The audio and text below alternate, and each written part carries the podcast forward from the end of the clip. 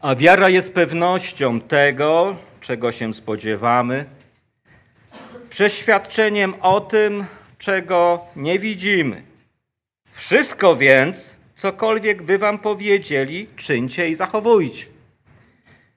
Ale według uczynków ich nie postępujcie. Mówią bowiem, ale nie czynią.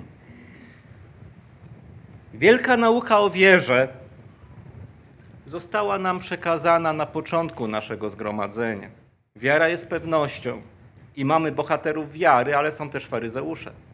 Jedni wierzą i drudzy wierzą. Ale co ich rozróżnia? Słusznie brat powiedział, że serce. I wiecie, serce jest widoczne. Jest widoczne w naszej odpowiedzi na Boże Słowo, jest widoczne w stosunku do brata, do siostry, do człowieka, który jeszcze nie zna Ewangelii.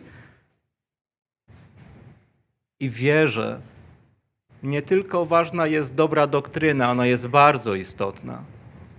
I faryzeusze mieli dobrą doktrynę z punktu widzenia Starego Testamentu, bo innej, innej doktryny jeszcze nie było.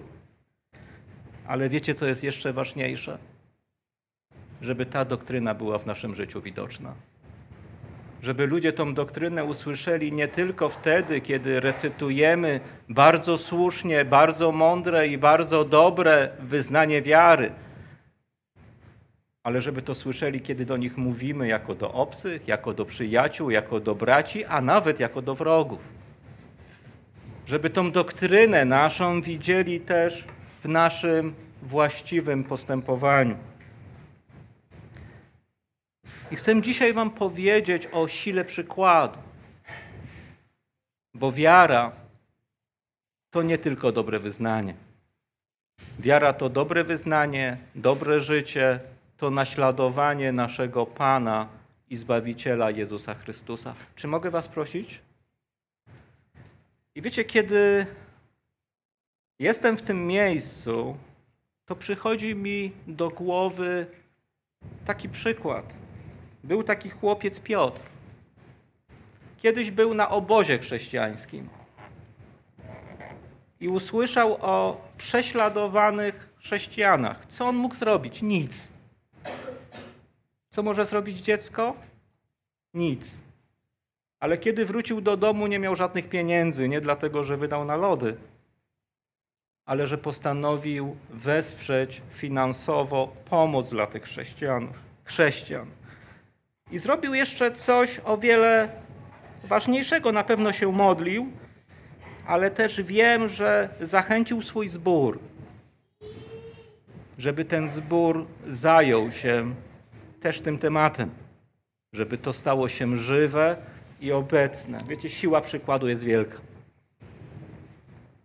I wpływ wiary jest widoczny przez dorosłych, przez dzieci, przez pastorów i przez tak zwanych zwykłych członków Kościoła. Chcesz być bohaterem wiary? Nie musisz umierać. Nie musisz być przeżynany piłą po prostu żyj tą wiarą na co dzień, wierząc, że to, co czytasz w Słowie, jest pewnością. Czy to chodzi o Ewangelię, czy nawet jak czytasz przykazania, bo one nie zostały rozwiązane i ciągle nie możemy cudzołożyć, ciągle nie kradniemy, ciągle szanujemy Dzień Pański. Dzisiaj to jest niedziela na znak zmartwychwstania i świadectwo tego, że Jezus naprawdę powstał. I proszę, otwórzmy bardzo ważny fragment Słowa Bożego, który o tym mówi. Czekajcie, zobaczę, czy mi działa pilot, bo niedawno się chwaliłem, że działa, ale będę pokazywał. Niedawno działał, w piątek, ale już dzisiaj jest niedziela, nie? Tak samo jest czasami z nami, chociaż my czasami w niedzielę lepiej chrześcijańsko działamy, a w tygodniu nam gorzej wychodzi. I proszę, otwórzmy list świętego Pawła, drugi list świętego Pawła do Tymoteusza na rozdziale trzecim. I przeczytajmy wersety od 10 do 14. I zobaczcie, o czym to jest. To jest o przykładzie. O przykładzie, jak Twoja wiara, Twoje postępowanie powinno wpływać na innych. Święty Paweł pisze do swego syna wierze Tymoteusza następujące słowa: Lecz ty poszedłeś za moją nauką, za moim sposobem życia, za moimi dążno, dążnościami, za moją wiarą, wyrozumiałością, miłością, cierpliwością, za moimi prześladowaniami, cierpieniami, które mnie spotkały w Antiochii, w Ikonium, w Listrze, jakież to prześladowania zniosłem, a z wszystkich wyrwał mnie Pan. Tak jest. Wszyscy, którzy chcą żyć pobożnie w Chrystusie Jezusie, prześladowanie znosić będą. Ludzie zaś źli i oszuści coraz bardziej brnąć będą w zło, błądząc sami i drugich w błąd wprowadzając, lecz ty trwaj w tym, czegoś się nauczył i czego pewny jesteś, wiedząc od kogoś się tego nauczył. I wiecie, są dwa rodzaje ludzi, mówi apostoł. Z jednej strony są to ludzie, którzy zostali nauczeni o Bogu, poznali Jego Ewangelię, poznali Jego wolę i tej woli się podporządkowują, trwają w niej, a z drugiej strony są ludzie źli, którzy wprowadzają siebie w błąd, ale też innych. I mam pytanie, za czym poszedłeś? I kiedy apostoł pisze do Tymoteusza, za czym on poszedł, to chciałbym, żebyśmy się przyjrzeli za czym. I zastanowili, czy to jest o mnie, czy to jest o tobie, czy to jest o nas. Po pierwsze, poszedłeś za moją nauką. To jest bardzo ważne. Wiecie, słyszymy doktrynę i idziemy za nią. Dzięki Duchowi Świętemu wiemy, że to jest prawda. I wydawałoby się, że to jest już wystarczające, a apostoł mówi, nie, nie. To jest pierwszy krok. Słyszysz? Bo wiara jest pewnością, tak? Wiara jak się rodzi? Przez słuchanie. Usłyszał Tymoteusz słowo i odpowiedział na to słowo. Poszedł za sposobem życia apostoła Pawła. Czy ludzie widzą, że masz inny sposób życia? Czy tylko wiedzą, że masz inną doktrynę? Czy widzą, że Twoje postępowanie w pracy, w szkole, a nawet jak się pokłócisz z kimś, zdarza się, nie? Różni się od innych. Gdzie to jest bardzo wymagające. Idziemy krok wyżej. Nie tylko wiem, ale też stosuję to w moim życiu. Bo ja znam niestety wielu chrześcijan, gdzie chrześcijaństwo ogranicza się do murów kaplicy i do mniej więcej takiego grona, nie? Jak mnie bracia i siostry widzą, chwała Bogu! O, kochany bracie! Ale niech tylko ich nie będzie koło mnie. Wiesz, ja wiem, że Jezus umarł za wszystkie moje grzechy. A ten, który zaraz z premedytacją popełnię, też. Prawie prawda. Masz inny sposób życia. Wiąże z myśleniem, z mową, z działaniem. Faryzeusze mieli dobrą doktrynę, ze sposobem życia już był problem, nie? I Pan Jezus mówi, co tam powiedzą, to to róbcie, dobrze mówią. Ale ich uczynków absolutnie nie naśladujcie. Za moimi dążnościami. Bo ludzie widzą, czego pragniesz, co robisz, co jest Twoim marzeniem, mówisz o tym. I Tymoteusz widział, że w Pawle było takie marzenie, żeby żar Ewangelii był rozniesiony po całym ówczesnym świecie. Za moją wiarą? Bo wiara jest naprawdę widoczna. I ludzie widzą, czy wierzysz, czy nie wierzysz. Mogą się z ciebie śmiać, ale widzą, czy to jest prawda, czy to nie jest prawda. To mówimy o prawdziwej wierze, bo demony też wierzą i drżą, czyli potrafią powiedzieć, że Bóg jest jeden, to jest bardzo dobra doktryna. Ale już nie potrafią pójść do Jezusa i zobaczyć w nim Zbawiciela i prosić o przebaczenie wszystkich grzechów. I to już nie jest wiara zbawcza. I za czym jeszcze? Wyrozumiałością. Widzicie, tego mi trochę brakuje w środowiskach chrześcijańskich. My mamy czasami tak, jak mi to jeden brat kiedyś powiedział, że jesteśmy miłosierni wobec siebie, a sprawiedliwi wobec innych, nie? Powinno być trochę na odwrót.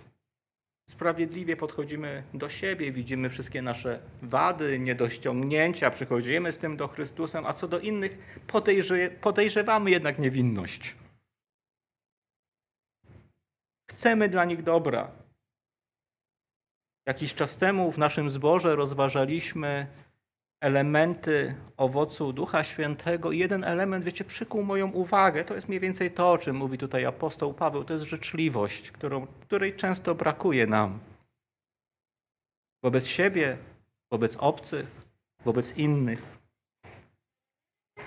Miłością, cierpliwością, jacy ci chrześcijanie są dobrzy. Kochają siebie tak, jak Chrystus ich, ich ukochał. Są cierpliwi wobec siebie tak, jak Chrystus jest cierpliwy wobec naszych upadków. Upadamy, On przychodzi, przychodzimy do Niego, On nas przyjmuje, nie? I brat mi znów na moim miejscu zaparkował, ja cierpliwie to znoszę. A niech parkuje. Ja tam nie będę koło tego no, zaparkuję już koło tego parku, niech on tam ma więcej tego miejsca. Gdzie my się śmiejemy, to są rzeczy małe, ale w rzeczach małych czasami widać największą prawdę od nas. Najprawdopodobniej jakby dżihadysta przyszedł z nożem, to byśmy jednak zdali ten egzamin, bo w jakimś mierze on może być łatwiejszy. Bo ktoś chce, żebyśmy się wyparli Chrystusa wprost, a czasami przez brak Jego przymiotów w naszym życiu pokazujemy to pośrednio, że nie jesteśmy Jego jest coś już bardzo dziwnego. Za czym poszedł Tymoteusz? Apostoł pisze za prześladowaniami. Nie wiem, czy kiedykolwiek robiliście ewangelizację i mówiliście, pójście za prześladowaniami Chrystusa. Świat was odrzuci, będziecie w pogardzie u wszystkich, ale nie bójcie się, w niebie jest dom, zaśpiewamy te piosenki, pieśni, które śpiewaliśmy, nie? Tam jest nasz dom, to nieważne jak będzie, czy będzie wojna, czy nas wyrzucą, czy nas pobiją. Wiecie, my jesteśmy szczęśliwi ludzie, nie? Chodźcie, za, chodźcie z nami. Nigdy w życiu nie słyszałem o takiej ewangelizacji. I powiem wam więcej, chyba nigdy nie usłyszę. Bo to nie robi się publicznie i nigdy tak nie będziemy głosić. To pokazuje się w swoim życiu. Czy idziemy za Chrystusem? Czy też nie idziemy? Czy jesteśmy Mu wierni? Patrzymy na bohaterów wiary i naprawdę jesteśmy zachwyceni, bo widzimy wierność. Widzimy niezłomność. I patrzymy, mówimy, ja chcę być taki. Ja chcę tak świadczyć o Chrystusie.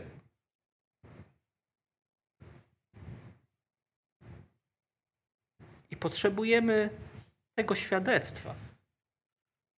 Właśnie po to, żeby w drobnych doświadczeniach, w drobnych próbach, w takim zwyczajnym chrześcijańskim życiu powiedzieć sobie: Niech parkuje. W życiu będą większe problemy. Żeby powiedzieć, jeżeli ludzie są w stanie umierać za Chrystusa, to jakiż to problem, że ktoś wykorzysta, powiem tak w cudzysłowie, moją chrześcijańską naiwność. Po raz 56, nie? Jednego dnia. Bo ja wiem, że to jest dobre. I nie ma co się oszukiwać. Bo Słowo Boże jest jednoznaczne. Apostoł nie mówi, że jedynie część chrześcijan będzie cierpieć. Nie robi tu wyznacznika, że do pewnego wieku będą cierpieli chrześcijanie w Europie, później na Bliskim Wschodzie, później gdzieś w Azji. Dwunasty werset jest bardzo wymagający, moi drodzy. Apostoł mówi, tak jest.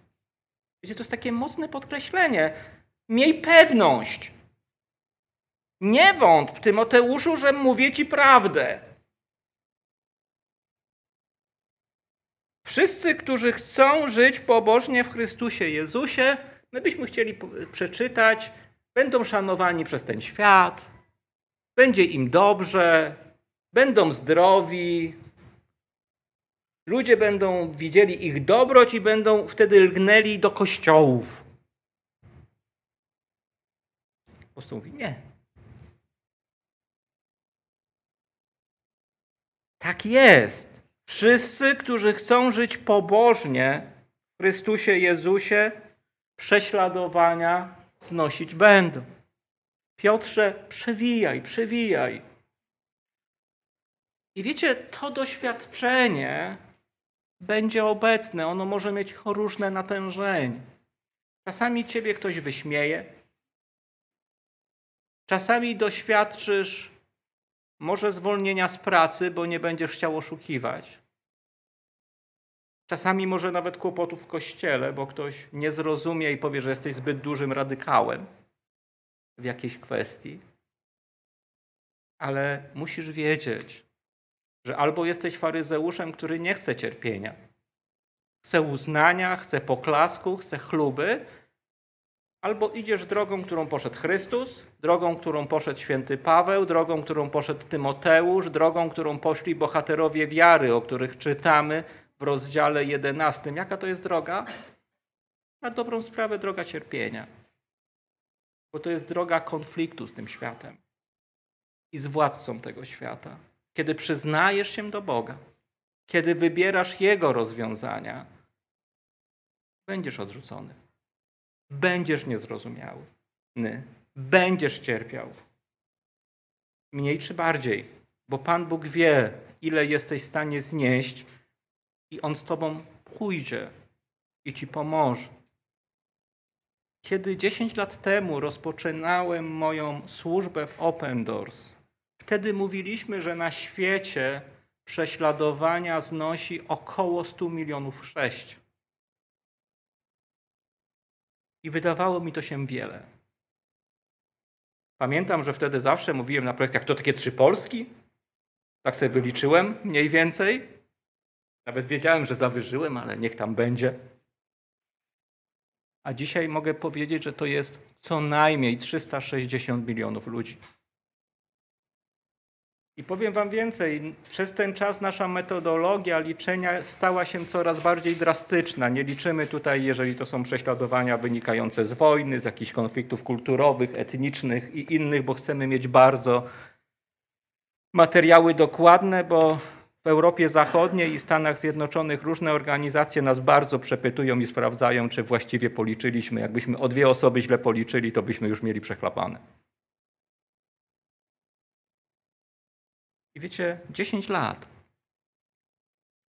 I ten wzrost nastąpił w sposób gwałtowny. Ja wiem, że niektórzy się będą oburzali, że tu liczymy ludzi z tak zwanych kościołów tradycyjnych, że liczymy ludzi, co do których ja sam będąc tymi ludźmi, czasami się zastanawiam, czy to są chrześcijanie, czy nie są chrześcijanie, ale musimy mieć trochę wyrozumiałości. Tak jak Jezus jest dla nas zrozumiały. I musimy zrozumieć, że jeżeli coś dzieje się ze względu na to, że ktoś przyznaje się do Jezusa, no to sorry, ja nie będę go dalej przepytywał. Ja mu dam Biblię, ja mu zaniosę pomoc, ja mu dam chleb, ja go przytulę, a nawet wybaczcie, nazwę go bratem w tym momencie, bo on potrzebuje miłości, zrozumienia, troski. Nie potrzebuje kolejnego wykładu i zrozumienia, że jest ignorantem, który nic nie wie, a ja, człowiek z zachodu, który tak naprawdę nie wie, co to są prześladowania, który się oburzy, jak ktoś go nazwie kociarzem i powie: Panie Jezu, jak ja cierpię dla Twego imienia. Ja go nie będę wtedy napominał. Ja będę chciał go zaprowadzić do Chrystusa, zachęcić do Słowa Bożego, do tego, żeby rzeczywiście mieć jedność w Chrystusie. Bo doktryna jest ważna i tego nie ukrywajmy. ale też jest ważniejsze, żeby ludzi do Chrystusa przyprowadzać i tam, żeby tą doktrynę poznawali. Piotrem do końca wypracujemy jakąś metodę. Ja tak macham, Piotr wtedy wie. I wiecie, co roku robimy indeks prześladowań. I wy od wielu lat ten indeks otrzymujecie. Kiedyś mieliśmy trzy kolory: czerwony, pomarańczowy i żółty. Gdzie czerwony to są radykalne prześladowania, pomarańczowy bardzo silne prześladowania i żółty to były mocne prześladowania. Wiecie, w tym roku nie mamy żółtego. Nie dlatego, że nasz grafik zapomniał, tylko dlatego, że kraje żółte są już za pięćdziesiątką. Bo tych krajów dzisiaj jest 70. I może dzisiaj w Polsce nie widzisz prześladowań. A może tak jak część ludzi w Polsce, już nawet w Polsce widzą prześladowania, nie wiem gdzie, nie wiem jak, ale dają radę. Wiecie, co to znaczy? To znaczy, że sytuacja jest coraz bardziej trudna. I ci ludzie, którzy doświadczają tych radykalnych prześladowań, oni dzisiaj potrzebują doświadczyć od, od nas czego? Tak naprawdę miłości braterskiej. Zrozumienia tego, że my jesteśmy z nimi. A my potrzebujemy ich przykładu. Tymoteusz potrzebował przykładu Pawła? Potrzebował. Z doktryną Pawła nie mamy problemu, mamy ją w listach apostolskich jasno wyłożoną. Wiecie, to jest niesamowite, że możemy czytać. Kiedyś czytałem jakieś dzieła Erasma z Rotterdamu i on pisał, że zna człowieka, który ma wszystkie listy Pawła. I że taki ten człowiek jest szczęśliwy, on do niego tam chodzi i tam czyta. A ja znam takich ludzi wielu. Macie w jednej Biblii i tamten człowiek ileś si za to zapłacił, żeby kupić te listy Pawła, a my mamy, je tak czytamy, rozważamy, według nich żyjemy, naśladujemy apostoła, bo to mamy, nie? Jak bardzo szanujemy to słowo. Jest obecne w naszym życiu i to jest fajne, dobre. I oby tak było. Ja trochę ironizuję, bo wiecie, czasami tego nie dostrzegamy, bo mamy, nie? Tak samo jak człowiek nie dostrzega że jest na przykład pokój w kraju, dopóki nie wybuchnie wojna.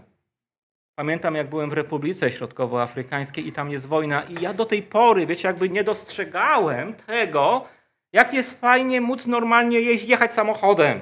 A tu masz co 20 kilometrów punkt kontrolny, cię przeszukują, sprawdzają. I całe szczęście nie wyglądałem jak Rosjanin, bo tam są rosyjscy najemnicy w Republice Środkowoafrykańskiej, tylko mi żołnierze mówili, że wyglądam jak Francuz. I to spowodowało, że miałem łatwiejszy przejazd, a dodatkowo miałem taki glejt od ich Ministerstwa Spraw Wewnętrznych, ale pokój to jest wielkie błogosławieństwo. A jak mamy, no to jest, nie? I się wtedy patrzę, mówimy, ale w Niemczech mają lepiej.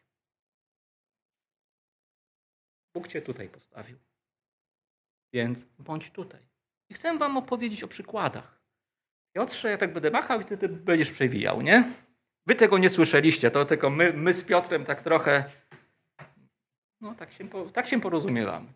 I wiecie, wy to wiecie, ale ja to powtórzę.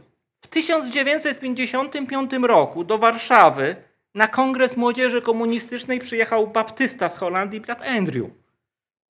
I w jego kraju była wolność, w jego kraju nie było wojsk radzieckich, w jego kraju, wiecie, w latach 50. pastorzy byli w więzieniach.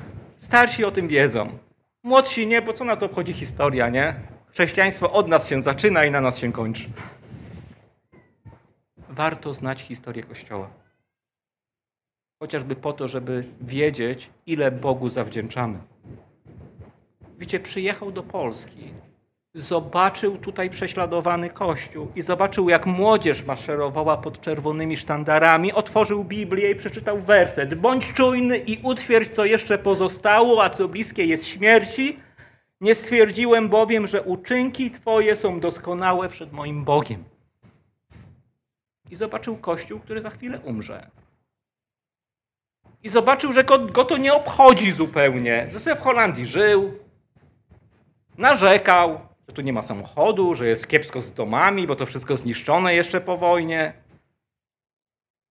I zobaczył, że kiepsko z doskonałością. Bo skoro Kościół go nie obchodzi, to kogo, kto go ma obchodzić? Ani ONZ Kościół nie będzie obchodził, ani wielkich mocarstw, ani nawet ludzi, bo ludzi obchodzi to, co usłyszą w telewizji, moi drodzy. Nie więcej, ni mniej. Ja nawet mam takie swoje powiedzenie, że w chrześcijańskim sercu to to, co zobaczy w telewizji. Wybaczcie, sprawdza się. Tak nie powinno być. Wiecie, wrócił do Holandii. Opowiedział o tym, to, co widział. I tak powstała organizacja, która zaczęła pomagać prześladowanym chrześcijanom. Najpierw pomagali Polsce, później w NRD, Czechosłowacji, później nawet dwa miliony Biblii do byłego Związku Radzieckiego w dużej mierze na Ukrainę było przemycane. I później rozrosła się organizacja, która dzisiaj pomaga chrześcijanom w ponad 60 krajach.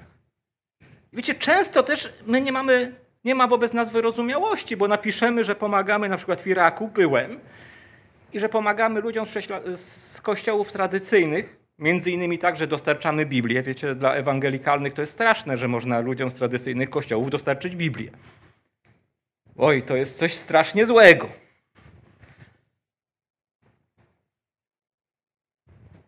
Ale będziemy to robić. Bo jeżeli ktoś mówi, że należy do Chrystusa, to musimy mu dać Słowo Boże. Skonfrontuj to. Przeczytaj, przemyśl swoje życie. Musimy być wyrozumiali, bo i Chrystus był dla nas wyrozumiały. Ja pamiętam moja małżonka, jak kiedyś rozmawialiśmy o jakichś teologicznych, naszym sposobie myślenia i tam kogoś oceniałem, ona mówi, pomyśl, czy sam z sobą kilkanaście lat temu byś się zgodził. Byłby problem, nie, bracia? Tak jak człowiek tak realnie w siebie spojrzy. I nie, nie, z tym heretykiem proszę nie gadaj. Dzięki Bogu Bóg jest naprawdę wyrozumiały. On naprawdę kocha. I naprawdę my potrzebujemy być podobni. Wiecie, też mamy świadectwa z prześladowanego Kościoła, które pomagają nam mieć przykład. Bo czasami patrzymy i to, co czytamy w Biblii, no nijak się ma do naszego życia. Czy kiedyś ktoś wam groził, że przerżnie was piło? Mi nigdy nikt. A żebym widział już takie zagrożenie, to już całkowicie nie, nie, nie, nie widziałem wobec siebie. I potrzebujemy świadectw prześladowanego Kościoła po to, żeby to, co czytamy w Biblii, nie było dla nas jedynie opowieścią z przeszłości, tylko żebyśmy wiedzieli, że doświadczenie Kościoła nic się nie zmieniło. Wiecie, w części świata Kościół jest prześladowany, w części nie. A wiecie, dlaczego w części nie jest? Ja to zrozumiałem, czytając apostoła Pawła, jak pisze o tym, że jesteśmy jednym ciałem, po to, żebyśmy my mogli pomóc. Po to są między innymi prześladowania, żebyśmy mogli złożyć przed światem najtrudniejsze i najważniejsze świadectwo, bo świat nie rozumie doktryn. Zupełnie ale świat potrafi zobaczyć, czy się kochamy. I Pan Jezus powiedział, że po czym pozna się chrześcijan? Po miłości wzajemnej. Świat inaczej nie pozna. I czy świat to dzisiaj widzi? Że chrześcijanie w Europie, w Polsce, w Stanach Zjednoczonych są przejęci na przykład chrześcijanami na Bliskim Wschodzie, czy w Azji, czy w Indiach, czy w Pakistanie, czy w Bangladeszu. Wybaczcie mi, świat tego to widzi w bardzo małym procencie. Mam takiego znajomego, on jest w Anglii pastorem, takim porządnym, kongregacjonalnym angielskim kościele, który istnieje od 300 lat i umiera. Obok z nich jest dzielnica, gdzie jest dużo Pakistańczyków. I wiecie, że ci ludzie z tego porządnego, angielskiego, białego kościoła nie chcą tych ludzi u siebie? Bo mają kościół bogatych, lekarzy, prawników, ale my może tego nie mamy. Ale czy nas naprawdę interesuje Kościół, który jest daleko? Czy nas interesują tacy ludzie jak Hivold? To jest taka wdowa w Etiopii. Byłem tam trzy lata temu. I wiecie, ona wychowała się w takiej rodzinie animistycznej, czyli oni oddawali cześć miejscowym kultom, chodzili do, do szamana. I ona mówi, że od dzieciństwa miała takie marzenie, żeby pójść do chrześcijańskiego kościoła. Kto z Was miał kiedyś takie marzenie? Nie, bo dla nas to jest oczywiste, nie? To jest piękne marzenie. Bo gdzieś kiedyś spotkała chrześcijan i wiedziała, że to są fajni ludzie. Słyszała coś o dobroci chrześcijan. O tym, że kobiety są inaczej traktowane przez chrześcijan. I miała takie marzenia, ale marzenia umierają. Gdy miała kilkanaście lat, wydano ją za mąż. Później zaczęła rodzić dzieci, musiała pracować. Mąż był alkoholikiem. I mówi, że któregoś dnia, kiedy już była zmęczona, wszystko się sypało, ona musiała utrzymywać siebie, dzieci i tak naprawdę była jeszcze bita przez męża. Mówi, że nie wie, jak to się stało, ale mówi, że zaczęła się modlić. Mówi, Panie Boże, Ty mi daj się poznać. Bo jeśli będę miała Ciebie, to będę miała wszystko. I mówi, nie wie, dlaczego tak zawołała.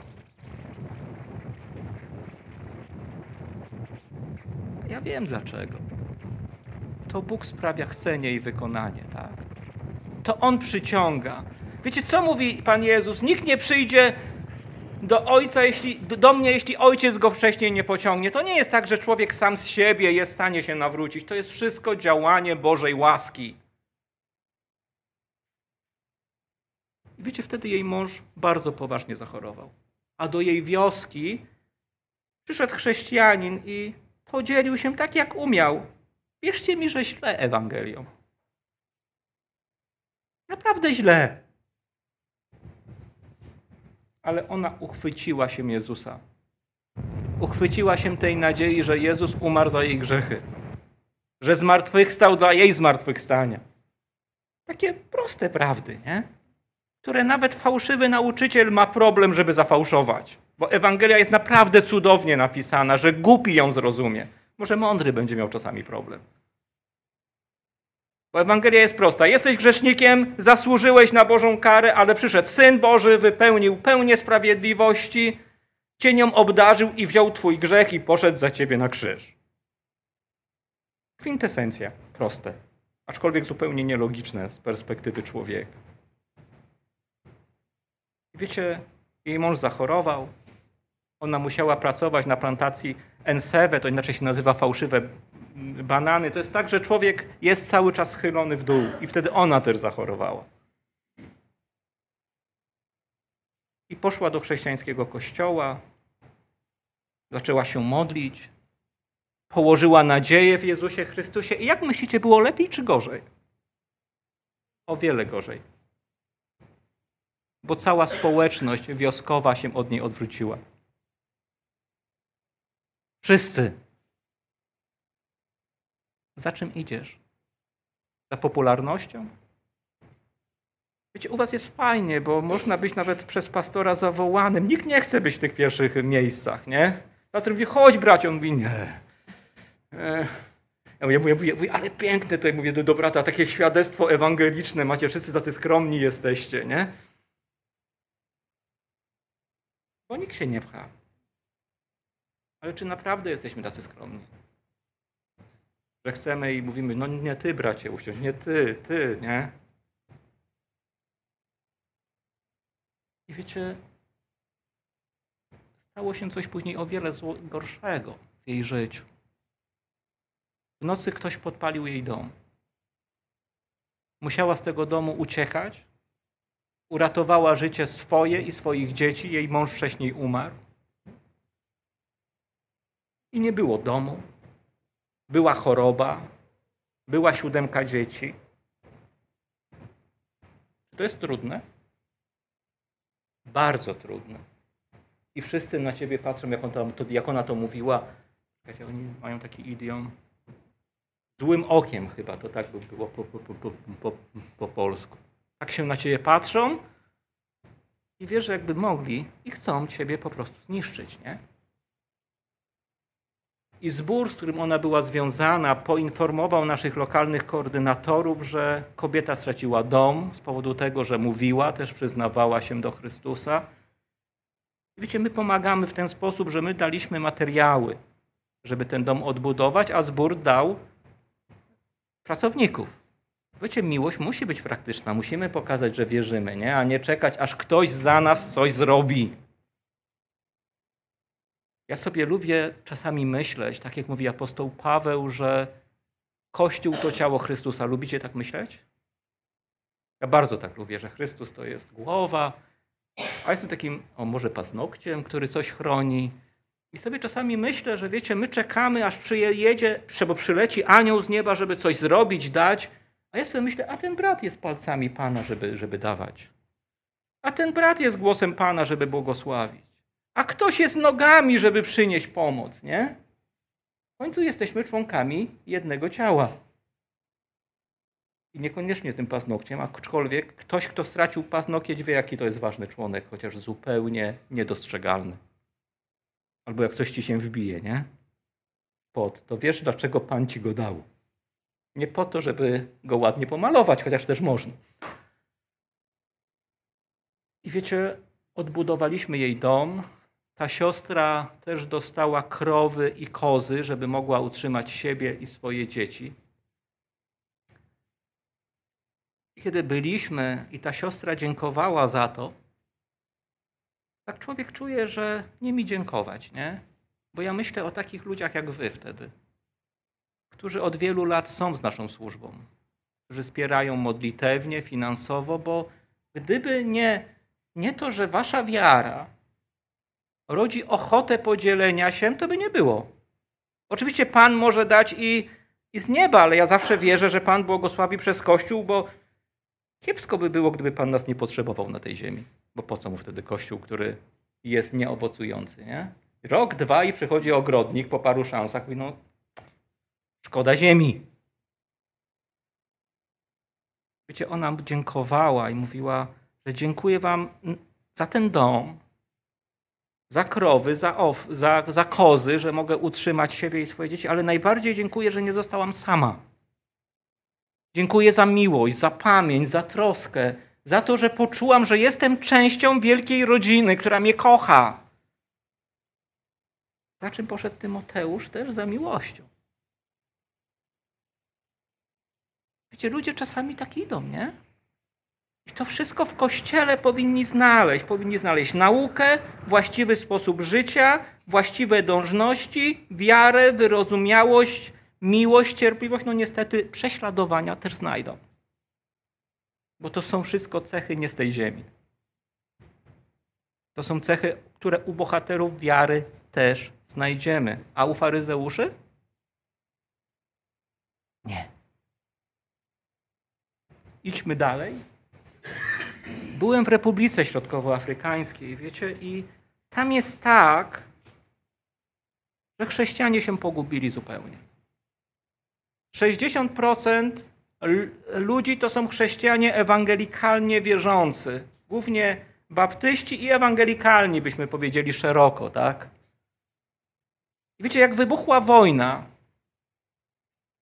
może wcześniej się cofnę do XIX wieku. W XIX wieku przyszli misjonarze z Francji i byli też misjonarze muzułmańscy. Na przykład przychodził taki misjonarz ewangelikalny, głosił Chrystusa, no i tam wódz mówił, dobra, to my zostajemy chrześcijanami, to ochrzcisz całą wioskę, nie? Tak to wyglądało. I nie ma co się oszukiwać, tak było i później była cała wioska kechowska, nie? Obok wioska baptystyczna. Obok wioska muzułmańska, bo przyszedł y, muzułmani. Czym się różnili? No, świętami, które obchodzili. Jedni nie czytali Biblii, drudzy nie czytali Koranu i generalnie nawet często w domu mieli, żeby nie było, że nie. Ale też nie umieli czytać. Ale to święta księga, wtedy można pocałować, wiecie, ludzie z zachodu zdjęcia zrobią, pokażą wielką wiarę. Ale kiedy wybuchła wojna, to wszystkie demony z ludzi wyszły. Chrześcijanie, mordo... najpierw muzułmanie mordowali chrześcijan, później chrześcijanie mordowali mu z muzułmanów. I naprawdę nie było żadnej różnicy. Jest taka wieść nad Uzum, to jest taka rzeka.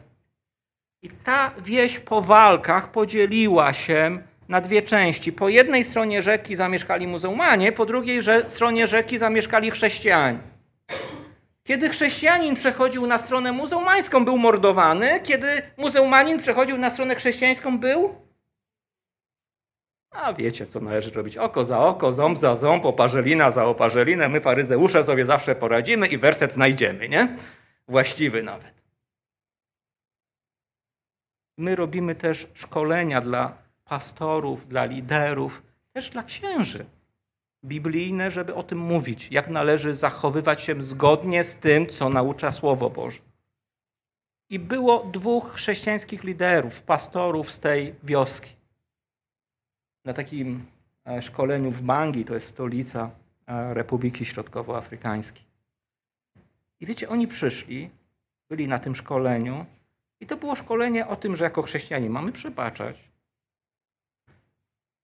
Było na podstawie tego, co dzisiaj nawet było czytane, tylko że w szerszym kontekście, na podstawie kazania na górze, jak ma wyglądać chrześcijańskie życie. Kiedy oni byli na tym szkoleniu, zostali poruszeni Słowem Bożym, którego nie znali, a byli pastorami, zdarza się.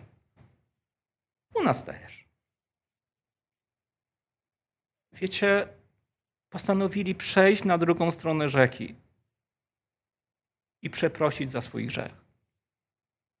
Jak postanowili, tak zrobili, kiedy przyjechali na miejsce, zostawili wszystkie swoje tobołki i postanowili od razu pójść, bo wiedzieli, że jak tego nie zrobią szybko, to nie zrobią, nie? Wiecie, jak strach potrafi paraliżować. I wiecie, czym jest odwaga? To jest postąpienie wbrew strachowi. To nie jest, że człowiek się nie boi chrześcijanin. Boi się. Tylko, że postępuje tak, jak powinien postąpić. Wbrew strachowi. I wiecie, przeszli przez taki mostek, zostali otoczeni e, przez mężczyzn muzułmańskich i tamci zaczęli ich bić. Ale wie, było wiadomo, że to są liderzy chrześcijańscy, pastorzy z drugiej strony wsi, więc zawołali muzułmańskich duchownych. Tamci przyszli, powiedzieli, po co tu przyszliście? I ci chrześcijanie powiedzieli, wiecie, możecie nas zabić, ale pozwólcie nam powiedzieć. Ja mówię, to mówcie. Oni powiedzieli, wybaczcie nam, bo zgrzeszyliśmy przeciwko Bogu i wam. Nie pokazaliśmy wam prawdy o naszym Bogu. Nie mieliśmy prawa się mścić, nie mieliśmy prawa tak z wami postępować.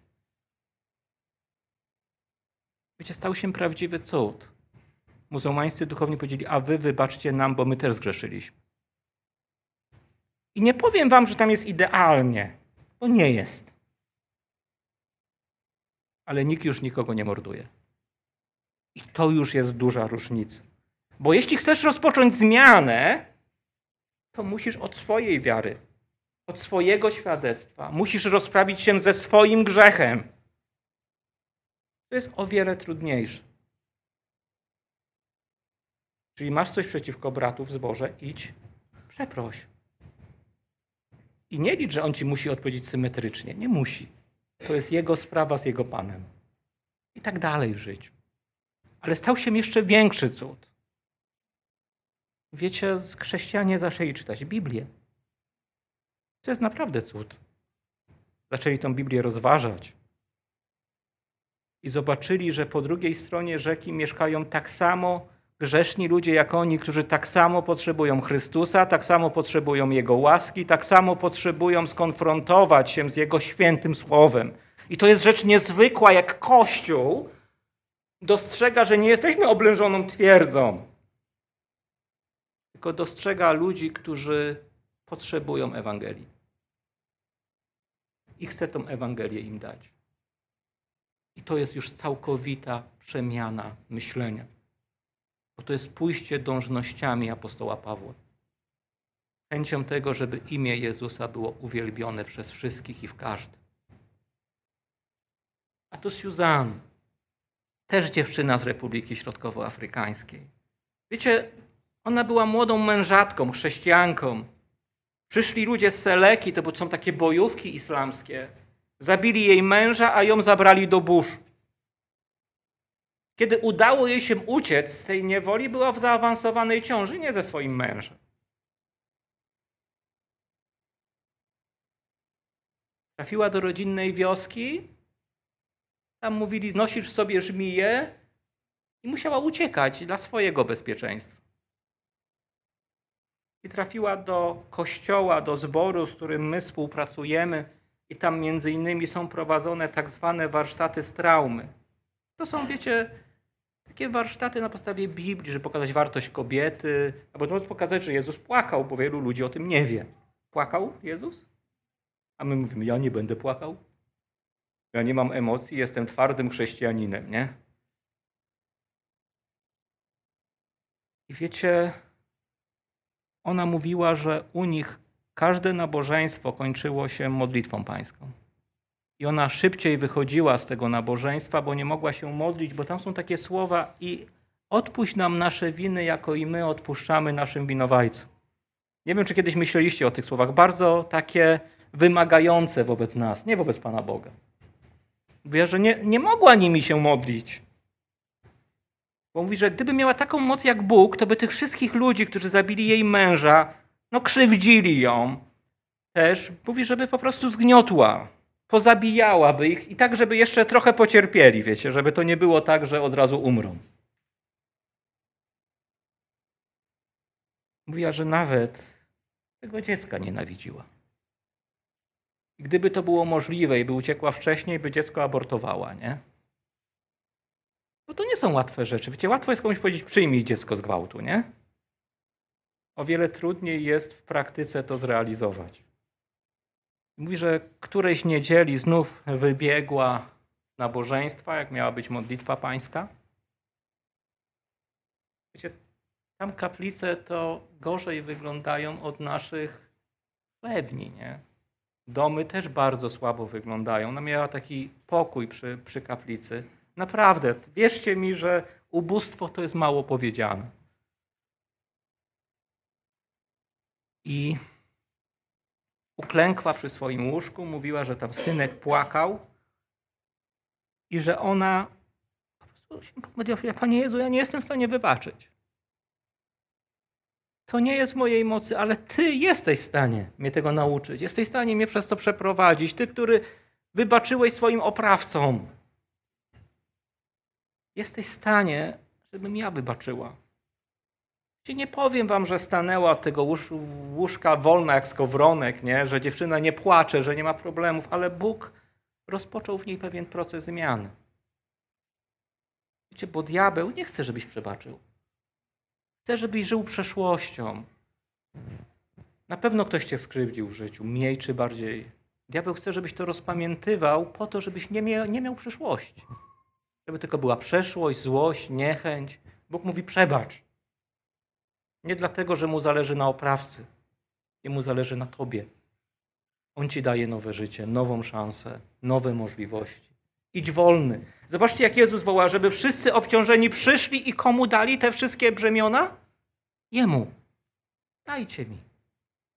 I idźcie za mną i patrzcie, że jestem pokorny, że jestem naprawdę waszym Zbawicielem. To jest takie ważne. Wiecie, ja wiem, że ona już wyszła za mąż. Bo najpierw jest właśnie przebaczenie, później jest nowe życie. Ale my musimy też przebaczać. To jest bardzo istotne. I to też musi być świadectwo dla tego świata, we mnie i w Tobie. I później człowiek patrzy na taką Susan myśli, Panie Boże, ja też mam wiele do przebaczenia innym. I nie chcę tego nosić. Chcę być naprawdę wolny. I to już będzie ostatnie, bo już jest długo, tam jeszcze coś mam. Ja bardzo lubię to zdjęcie. To jest z 2014 roku z Iraku. Wiecie, to jest obóz dla uchodźców chrześcijan, w dużej mierze z tradycyjnych kościołów.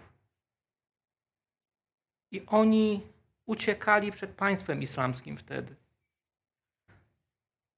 Mniej więcej 11 kilometrów od tego obozu była linia frontu. Zobaczcie, co ci ludzie pisali na namiotach. Jezus jest światłością świata. Za takie słowa była śmierć. Nie wszyscy, ale oznaczali swoje namioty, żeby było wiadomo, gdzie są chrześcijanie. Bo łatwo jest dawać świadectwo w dobrym czasie i mówić jestem Chrystusowy, szczególnie w tym miejscu, nie? Pójść tutaj, powiedzieć świadectwo, wszyscy jeszcze później cię uściskają. Będzie bardzo dobrze. I był tam taki chłopak, Ibrahim. On codziennie rano w obozie dla uchodźców wychodził przed namiot i coś śpiewał. I wiecie, co Ibrahim robił? On, on był takim, by, byśmy powiedzieli, liderem uwielbienia w swoim kościele.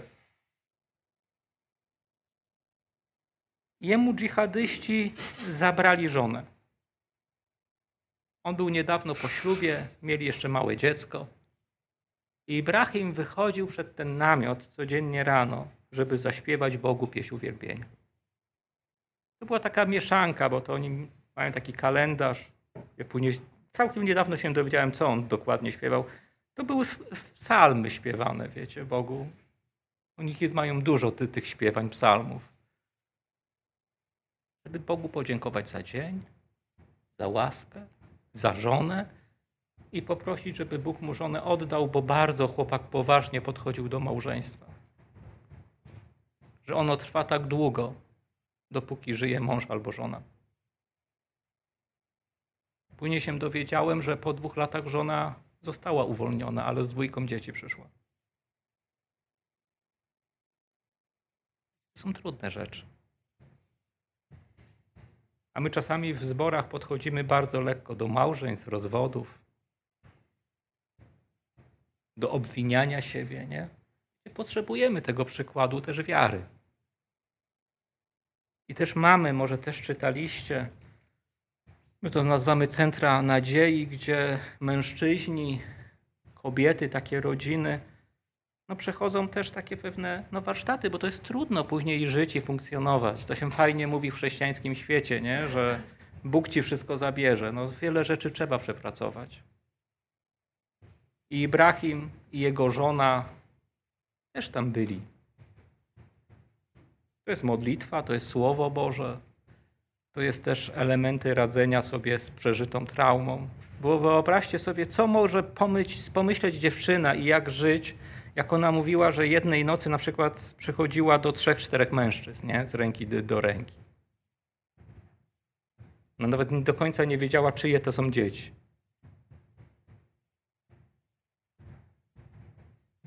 To są bardzo trudne historie. My czasami w kościele udajemy, że ich nie ma. Nie możemy udawać. I ci ludzie, wiecie, potrzebują nas. Po pierwsze, potrzebują naszej modlitwy, potrzebują naszego wsparcia finansowego i potrzebują czasami wiedzieć, że są bracia i siostry, którzy o nich po prostu pamiętają.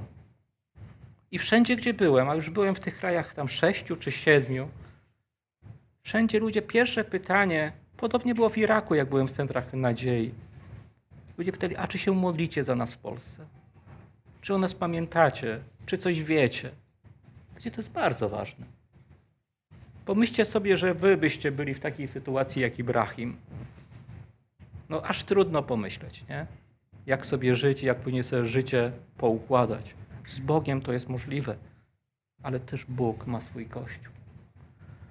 I dwa razy Cię poproszę, raz, dwa. I wiecie, dzisiaj jestem, żeby Wam pokazać te przykłady żebyście pamiętali i wiedzieli, że prześladowania są wpisane w los, w los chrześcijanina. I nie jest to nic dziwnego, że będziecie mieli konflikty z powodu wiary chrześcijańskiej, że będziecie odrzuceni czy niezrozumieni. Dziwne jest, jak tego nie ma. To jest bardziej niezwykłe i należy się zastanowić, co jest nie tak. Bo świat się nie zmienił, diabeł się nie zmienił, Bóg się nie zmienił i człowiek też się nie zmienił. Nie? I chcę Was prosić, żebyście dali się informować o prześladowanych chrześcijanach. Chrześcijan, większość z Was już podjęła taki krok.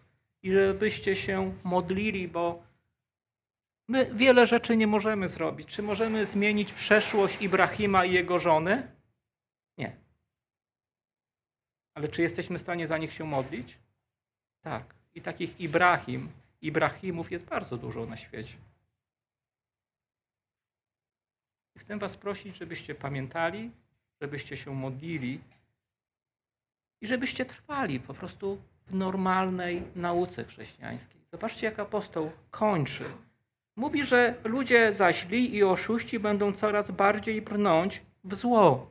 Mówi o dwóch rodzajach ludzi: złych, czyli tych, którzy są daleko od Pana i którzy nie przyznają się do Pana, i oszustach, którzy przychodzą pod płaszczykiem Ewangelii często i mówią: Pan Bóg chce, żeby nie było cierpienia, to będzie, jak będzie ziemia odnowiona, tak?